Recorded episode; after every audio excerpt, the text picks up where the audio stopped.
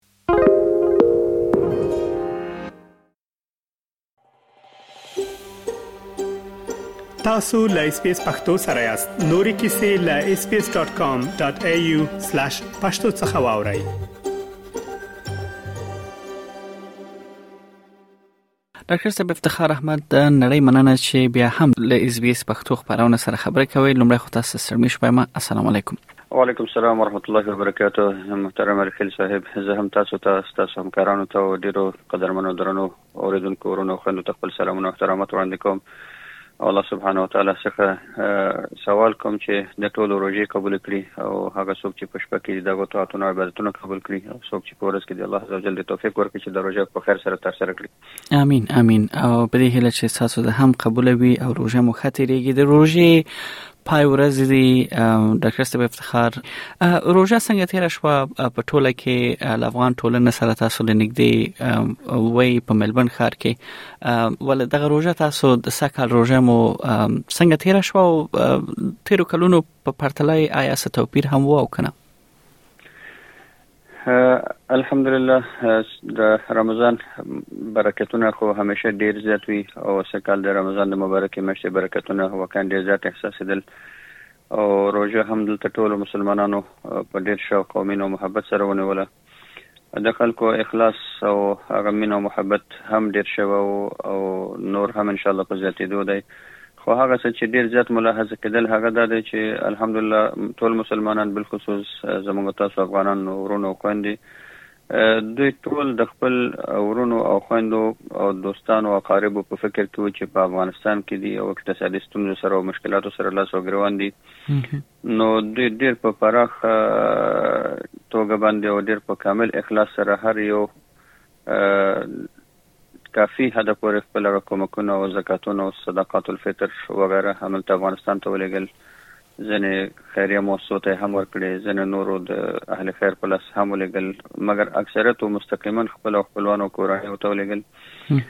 يعنې دومره کومکونه چې سږ کال به دې افغانانو مسلمانانو کړي وي وطنوالو سره کېدای شي نورو کلونو کې دومره کومکونه نه وي شوي نو دا وخت یو ډیر زیات د خوشحالۍ خبر او الحمدلله چې همیشه دلته مسلمانان د خپل ورونو او خویندو په فکر کې دي او هر نفر چې دلته ژوند کوي نو تر ډیره حده پورې کوشش کوي چې هلته د یو څه فامیلونو سره مرسته وکړي دا خو ډیر ښه خبر دی ډاکټر صاحب محترم چې تاسو هم له موږ سره شریک کړ ځکه چې روژه د نورو ترڅنګ د زکات میاش ډیرو لپاره هم وي ځکه چې خلک ډیر ثواب لپاره البته په روژه کې دوی زکات ورکوي که راشه دی اړخ ته ډاکټر صاحب محترم د روژې پای ورځ دی او بل دا روژه په ختمېدو ده روژه چې کله ختميږي تر ټولو مهمه دا چې د روژې د میاشتې وروسته چې کوم وختونه زموږ او تاسو د ژوند نور میاشتې او ورځ راځي څنګه دغه ډیر ښه عادتونه چې په دغه روژه کې د د زکات سخاوتمندي او داسې د ښه اخلاق خو د نور شان چې هغه کې دی شي ځنې لزان سره واخلي دا څنګه کې دی شي ډاکټر سم محترم چې د کال نور میاشتو باندې هم د عملی شي اصلا خو که موږ او تاسو د قرآن عظیم الشان آیتونو ته وګورو نو الله سبحانه وتعالی چې هر هغه عمل پر مسلمانانو فرض کړی دی د هغې شاته یو حکمت پروت دی او بالخصوص اخلاقی حکمتونه ځکه که موږ تاسو نور فرایض وګورو لمونځ په اړه باندې هم الله عزوجل موږ تاسو ته دا فرمایي چې اقیم الصلاه ان الصلاه تنها عن الفحشاء والمنکر تاسو لمونځونه قایم کړئ، لمونځ وکړئ، ځکه لمونځ انسان د بدو کارونو او بدو کړنو څخه، د فحشاء او منکراتو څخه منع کوي. نو په دې معنی چې یو انسان لمونځ کوي، باید د فحشاء او منکراتو، د ناروا کړنو څخه، بد اخلاقو څخه ځان وساتي. او حدیث شریف کې هم رسول الله صلی الله علیه وسلم دا فرمایي، که څوک لمونځ کوي او د بدو کارونو څخه او بدو کړنو څخه لاس نه اخلي، نو ده لمونځ نه دی کړی، یعنې لمونځ پرې تاثیر نه کوي، اغېزمن نه دی. همدا رقم حج په اړه باندې موږ او تاسو ته اسلام کې یا قرآن عظیم الشان کې چې دستور راکړل شوی هغه اخلاقي جنبه یې همدا ده چې انسان چې حج کوي باید جنګ او جدال او ګناهونه او دا شیان پرېږدي نو که څوک حج کوي او بیا هم جنګ او جدال کوي خلکو سره بده ژبه کاروي نو په دې معنی چې حج په د باندې تاثیر نه دی کړی نو روژې مسله چې زمونږ تاسو موضوع ده د روژې په اړه هم الله عزوجل مونږ تاسو ته چې د روژې د فرضیت حکم بیانوي نو په پای کې فرمایي لعلکم تتقون پر تاسو روژه فرض شوې ده تر څو په تاسو کې د روژې په سبب تقوا ایجاد شي د الله ویره پیدا شي ستاسو زړونه پاک شي او حدیثو کې پیغمبر صلی الله علیه و علیه وسلم هم چې کله موږ تاسو ته د روژې په اړه بیانوي نو هغه موږ تاسو ته همدا فرمایي چې هغه څوک چې روژه نیسي او دی دروغ ویل، قول الزور، پرې نږدي، نو دا قول الزور کې دروغ او بهتان او نمیمت او چغلخوري، دا ناحق قسمونه، ناحق شهادت ورکول، دا ټول ناروا خبرې چې دی په دې کې شامل دي. څوک چې روژه نیسي او دغه کړنې پرې نږدي، نو الله تعالی د دغه انسان روژې ته اړتیا نه لري چې دی ځان باندې لوږه او تنده تېره کړي. په دې معنی چې دغه روژه اساسي عامل دی چې په انسان کې تقوا او پرهېزګاري ایجاد کړي او انسان هغه خپل اخلاق سم کړي. نو دغه اخلاقو د پراکټیس دپاره مونږ او تاسو ته شریعت یوه میاشت وخت راکړی او یوه میاشت د هر عادت خپلولو دپاره کافي مهلت او کافي وخت دی. یو سړی چې یوه میاشت دروغو څخه ځان ساتي، یوه میاشت مثلاً غیبت نه کوي، یو میاشت کې چاته په بده ژبه خبرې نه کوي چا سره یو میاشت خپل سترګو حفاظت کوي یو میاشت په غوږونو باندې د چا څخه ناروا کړنې او خبرې نه اوري یو میاشت چا سره جنګ او جدال نه کوي یو میاشت کې د غریبانو او مسکینانو همیشه لاس نیسي او د خپل هم د نور عبادتونو پابندي کوي نو یو میاشت وروسته بیا انسان ته عذر نه پاتې کیږي چې زه نشم کولای یا مثلا ځان نه شم ساتلی یا دا نه شم کولی ځکه یو میاشت چې یو انسان په پرکټس او په عمل کې وښوده چې دا کار کولی شي نو دې نه وروسته هم کولی شي نو دغه یو میاشت مونږ او تاسو دپاره یا د مسلمانانو دپاره کافي مهلت دی چې انسان یو نیک عادت خپل کړي او هغه عادت په آینده یولسو میاشتو کې په خپل ژوند کې عملي کړي پلی کړي نو اساسي هدف د روژې همدا ده چې انسان یو خدای الله عبادت کوي د یو طرف نه بل هغه انسان کې تقوا او پرهیزګاري پیدا کیږي هم دغه نیک اخلاق چې په حدیثو کې په هغه باندې توصیه شوې ده ځکه ځینې انسانان چې د روژې د اجر څخه محروم دي په حدیث شریف کې هم دا ویل کیږي چې ځینې انسانان داسې شته چې هغه ته به د روژې نتیجه صرف لوږه او تنده وي، هېڅ اجر به ورته نه رسېږي. هغه همدغه کسان دي چې روژه نیسي مګر د روژې هغه آداب او اخلاقیات چې ورسره ضمیمه دي، هغه باندې عمل نه کوي یا په آینده ژوند کې بیا بیرته پرې عمل نه کوي. ډېر ښه، مهمو ټکو ته مو اشاره وکړه. ډاکټر صاحب محترم دا باید اوریدونکو ته دې یادونه وکړم چې په استرالیا کې د امامانو شورا چې په هغې کې دننه د فتوا کونسل یا شورا هم ده، تاسو د دواړو غړیتوب لرئ د غي ترڅنګ ډاکټر سم محترم رازم اختر ته د اختر ته هم د ګوتو پشمار او رزه پاتې دي په استرالیا کې د معمول په سیر دوه اعلانونه بیا هم د خلکو یا د مسلمانانو تر سترګو کیږي یو اعلان د امامانو د شورا اعلان دی چې هغه د شنبه ورځ او ورته یو بل شورا هم چې هغوی هم ځان د یو مفتی لاندې بولی هغوی دغه اعلان د جمعې پورس کړی دی ډاکټر صاحب محترم یو مسلمان من حیث چې احترام ټولو ته دی هغه هم د فلکیات یا د فلاحي ټکنالوژي په په بنسټ د اعلانونه کړی دي د مسلمان من حیث دغه سیوګیچ حالت کې څه کول پکار دي واقعا دغسې هېوادونو کې لکه استرالیا یا غربي هېوادونه دلته چې مسلمانانو ترمنځ اختلاف وي د تعصب ځای وي باید مسلمانانو کې دلته وحدت او اتفاق او یووالی تر ټولو هېوادونو زیات وي نو که چیرې اسلامي هېوادونو کې دغه اختلافات شته بیا هم ویل شي چې ټول مسلمانان دي په دلایلو باندې یو بل سره پوهیږي یا فکری اختلاف شته مګر دغه سه هېوادونو کې خو مسلمانان د یو دین یا د یو مذهب نمایندګي کوي باید ټول په یو فکر او نظر باندې په دغه سي مسایلو کې نو د وحدت تقاضا هم ده چې باید دلته اختلاف ونه وسیږي خو متاسفانه دغه اختلافات دلته هم شته او چې عوامل کې دي شي ځنې مسایل په دې کې دخیل وي والله عالم خو په دې اړه باندې یو مسله دا هم ده چې د صحابه کرامو د وخت څخه هم تر اوسه پورې دا د اختر مسایل یا د رمضان د راتګ د پیل او د رمضان د انتها مسایل اختلافي دي، ځکه دا هغه اجتهادي مسایل دي، نصي نه دي، نو چې هغه مسایل چې اجتهادي وي هغې کې اختلاف ګنجایش وي او د صحابه کرامو په وخت کې هم داسې ځینې اختلافات موجود وو چې مثلا یو صحابي شام ته تللی دی، هلته د پنجشنبې په ورځ یعنې د جمعې په شپه خلکو هلال یا میاشت لیدلې ده او روژه شوي دي، دی چې بېرته مدینې منورې ته راځي نو ګوري چې خلکو اختر نه دی کړی یا اختر نه کوي بیا دوی چې پوښتنه کوي چې تاسو په کوم ورځ هلته روژه شوی وي دوی چې موږ د پنجشنبې په شپه میاشت لیدلې ده او جمعې مو روژه نیولې د مدینې خلک ورته وایي موږ د شنبې روژه نیولې نو بیا دوی د شام خلکو سره اختر نه کوي وایي تر څو چې موږ خپله نه لیدلې میاشت نو اختر کوو حال دا چې یو شاهد ورته وایي هم چې هلته میاشت وي یو ورځ مخکې تاسو څخه لیدل شوې ده نو په دې معنی چې د صحابه په وخت کې هم داسې دې ته ورته اختلافات وو وروسته هم وو دغه څوارلس سوه کالو کې هم دغه مسله داسې یو نهایي حل ته نه ده رسېدلې چې ټول مسلمانان متفق وي ځکه دلایل هم مختلف دي په دې کې او د فقهاو هغه نظریات او اجتهادات هم مختلف دي نو دا چې آیا ټول اسلامي نړۍ یو مطلع لري یعنی یو هیواد کې کچیرې میاشت ولیدل شي ټول هیوادونه مکلف دي چې روژه ونیسي یا اختر وکړي یا نږدې هیوادونه یو بل سره اختر وکړي او روژه ونیسي یا هر هیواد خپل ځان ته مطلع لري نو هر مذهب یا هر د فکر خاوند په دغه دلالو کې یو دلیل ځان ته نیسي او په هغې باندې عمل کوي مګر دلته د په استرالیا کې د د امامانو شورا چې د د دوی طرز العمل بیا داسې دی چې دوی د رمضان د پیل لپاره هم د انتها لپاره هم د نړیوال فلکی ادارو څخه راپور او فتوا اخلي نو کله چې هغه ورته وایي چې په دغه ورځ د میاشت لیدلو امکان شته یا په دغه ورځ د میاشتې د لیدلو امکان نشته، څو دقیقې مثلا دغه سپوږمۍ د لمر د غروب څخه وروسته په فضا کې شتون لري، د لیدلو په سترګو امکان شته یا د ماشینونو په واسطه امکان شته یا نشته، نو کله چې دوی د هغو څخه فتوا واخلي بیا د هغو د فتوا په حساب باندې دوی هغه خپل ټولنې ته یا کمیونټي ته خلکو ته اعلان وکړي چې سبا اختر دی یا سبا روژه ده یا نه دی. نو دلته بیا هم د علماو په منځ کې نظریات مختلف دي، ځینې علما بیا داسې وايي چې کله چې دغه سپوږمۍ د اقتران حالت څخه ووځي، اقتران دې ته وايي چې کله دغه ځمکه او سپوږمۍ او یعنې میاشت او لمر درې واړه په یو خط کې سره واقع کیږي نو دا څو ساعتو د پاره یا څو لحظو د پاره چې دا د فلکی علما تخصص ده په دې ډېر تفصیل ته نه ورځم خو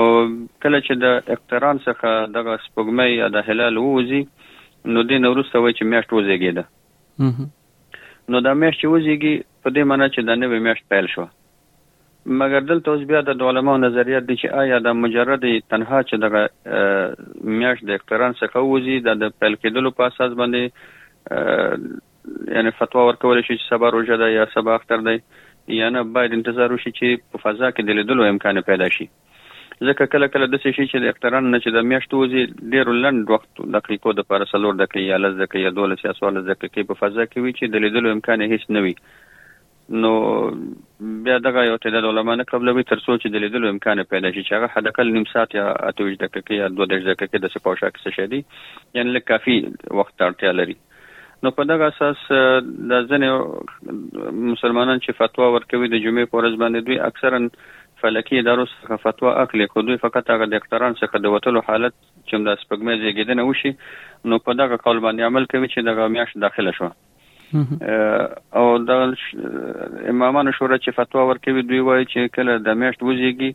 نو باید په فضا کې دومره وخت لپاره موجوده وي چې هغه د لیدلو امکان پیدا شي نو دغه حالت بیا هغه احادیثو سره هم صدق کوي چې په هغه کې رسول الله صلی الله علیه وسلم فرمایي چې تاسو روژه ونیسئ د میاشت په لیدلو سره او تاسو روژه وخورئ یعنی افطار وکړئ د میاشت په لیدلو سره نو دلته اوس د میاشت د لیدلو امکان شته ولو که څوک ونه ګوري هم نو دغه یو مسله ده دومره مسله ده هم ده چې ځینې علما بیا هغه وایي چې نه یوازې رؤیت ته اعتبار دی چې په سترګه باندې باید ولیدل شي دغه د فلکي حساباتو حسابونو ته اعتبار نشته ځکه دا وسایل دي او مونږ تاسو ته په حدیث کې د سترګو رؤیت ته امر شوی مګر علما به په دې کې چې دقت کوي او بحث او څېړنې کوي نور روایت داسې هم شته چې په هغې کې رسول الله صلی الله علیه وسلم صحابه کرامو ته فرمایي چې مونږ یو امي امت یو امي په دې معنی چې لیک او لوست نه کوو او مونږ په حساب باندې نه پوهیږو نو کچیر تاسو میاشت ولیدله روژه ونیسئ او چې میاشت مو ولیدله افطار وکړئ افطار وکړئ نو په دې معنی چې هغه وخت کې صحابه کرام د میاشت دغه حسابونه نه شو کولای ځکه امي خلکو نو هغه حساب دقیق نشو نیولای لکه څنګه چې نن فلکي ادارې ثانیه ثانیه تاسو ته بیانوي یعنی حتی د فلکي ادارې دا وایي چې زمونږ د خطا یا د اشتباه احتمال په یو لکو کې یو ثانیه خطا احتمال شته یعنی په یو لک کیسونو کې د یو ثانیه د خطا هغه احتمال یعنی یقین نه ده چې خامخا به خطا کیږي یعنی په یو لک کې چې د یوې ثانیه احتمال وي نو په دې معنی چې اصلا احتمال د خطا نشته پکې بله هو ولکه صاحب ډیر بخنه سره چې زه همدغه ټیک ته بزرا شم چې د خبرونه وخت هم کم دی ک ډیر مختصره ډاکټر صاحب محترم دغه ته هم اشاره وکوي چې په یو وخت کې اسلامي ټولنې کم چې اداري دي په استرالیا کې میشته دوی په همدغه فلکی ادارو پر معلوماتو باندې دوی سره ویشل شوې دي بیا هم سوال هم دې ته مطرح کیږي چې یو مسلمان من حیث څه کول پکار دي او د چا لکه پیروي پکار ده په دغه سي پریکړه کې چې آیا اختر وکړي د جمعې او یا د شنبه پورز ځکه چې دواړه په یو نظر فلکی ادارو ته مخه کوي او ډیره ښه صاحب دغه دوه مسعیت دا دوه غټه ادارې چې دلته د مسلمانانو دي ټولنې دې دواړو خو د فلکي ادارو په فتوا په اساس فتوا ورکړي خو باید دلته ځنې نور مسلمانانو ټولنې هم شته چې هغه رؤیت ته یا د سترګو لیدلو ته اعتبار ورکوي هغه همیشه منتظر وي آخري لحظاتو ته چې تر څو د سارنه وکړي چې آیا په سترګو لیدل شوی کنه یعنی حتی که د نږدې هوادو کې لکه اندونیزیا یا مالیزیا کې هم ولیدل شي دوی هغه ته هم اعتبار نه ورکوي دوی وایي چې موږ باید په خپل په استرالیا کې وګورو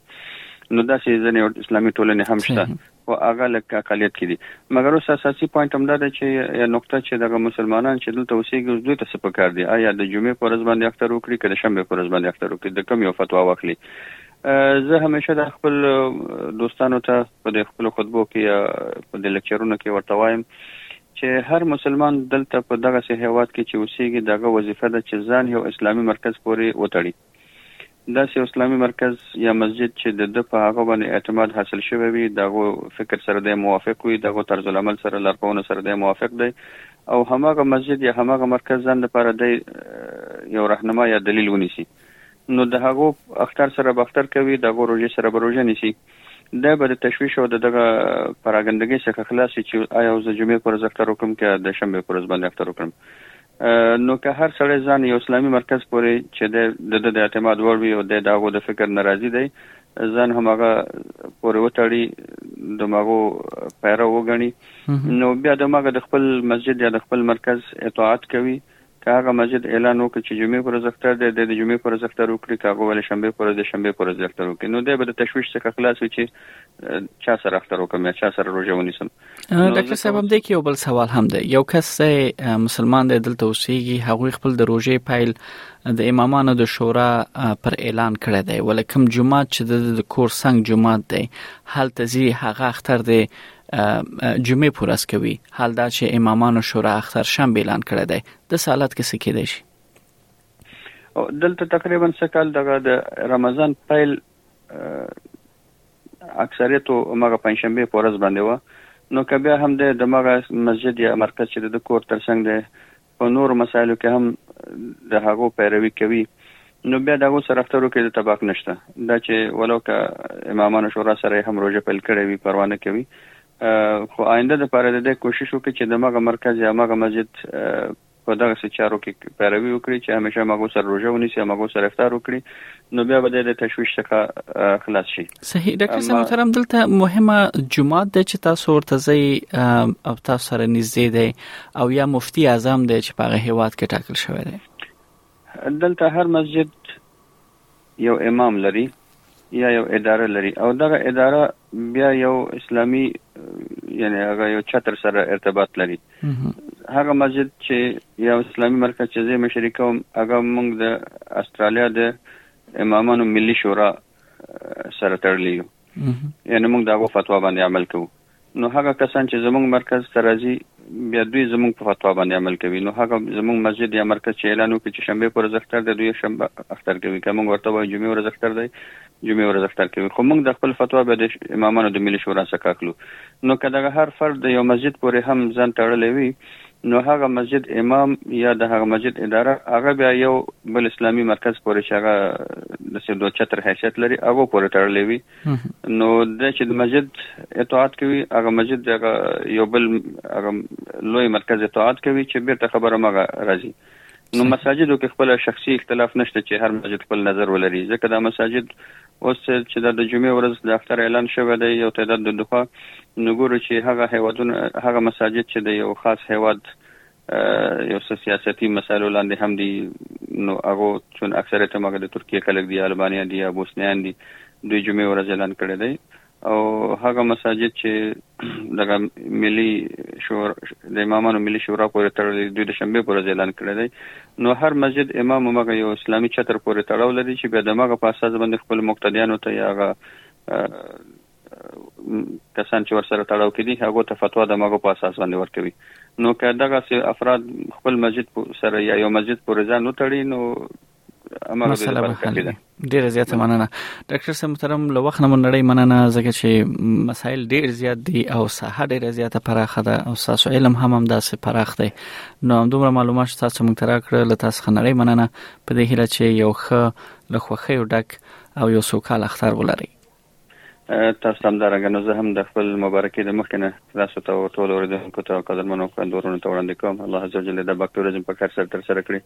او د خوشحالۍ ډک اختر دې ټولو ته نصیب کړي امين مننه که غواړئ دغه سنوري کیسې هم او رینو د خپل پودکاسټ ګوګل پودکاسټ یا هم د خپل خاكي پر پودکاسټ یو اورئ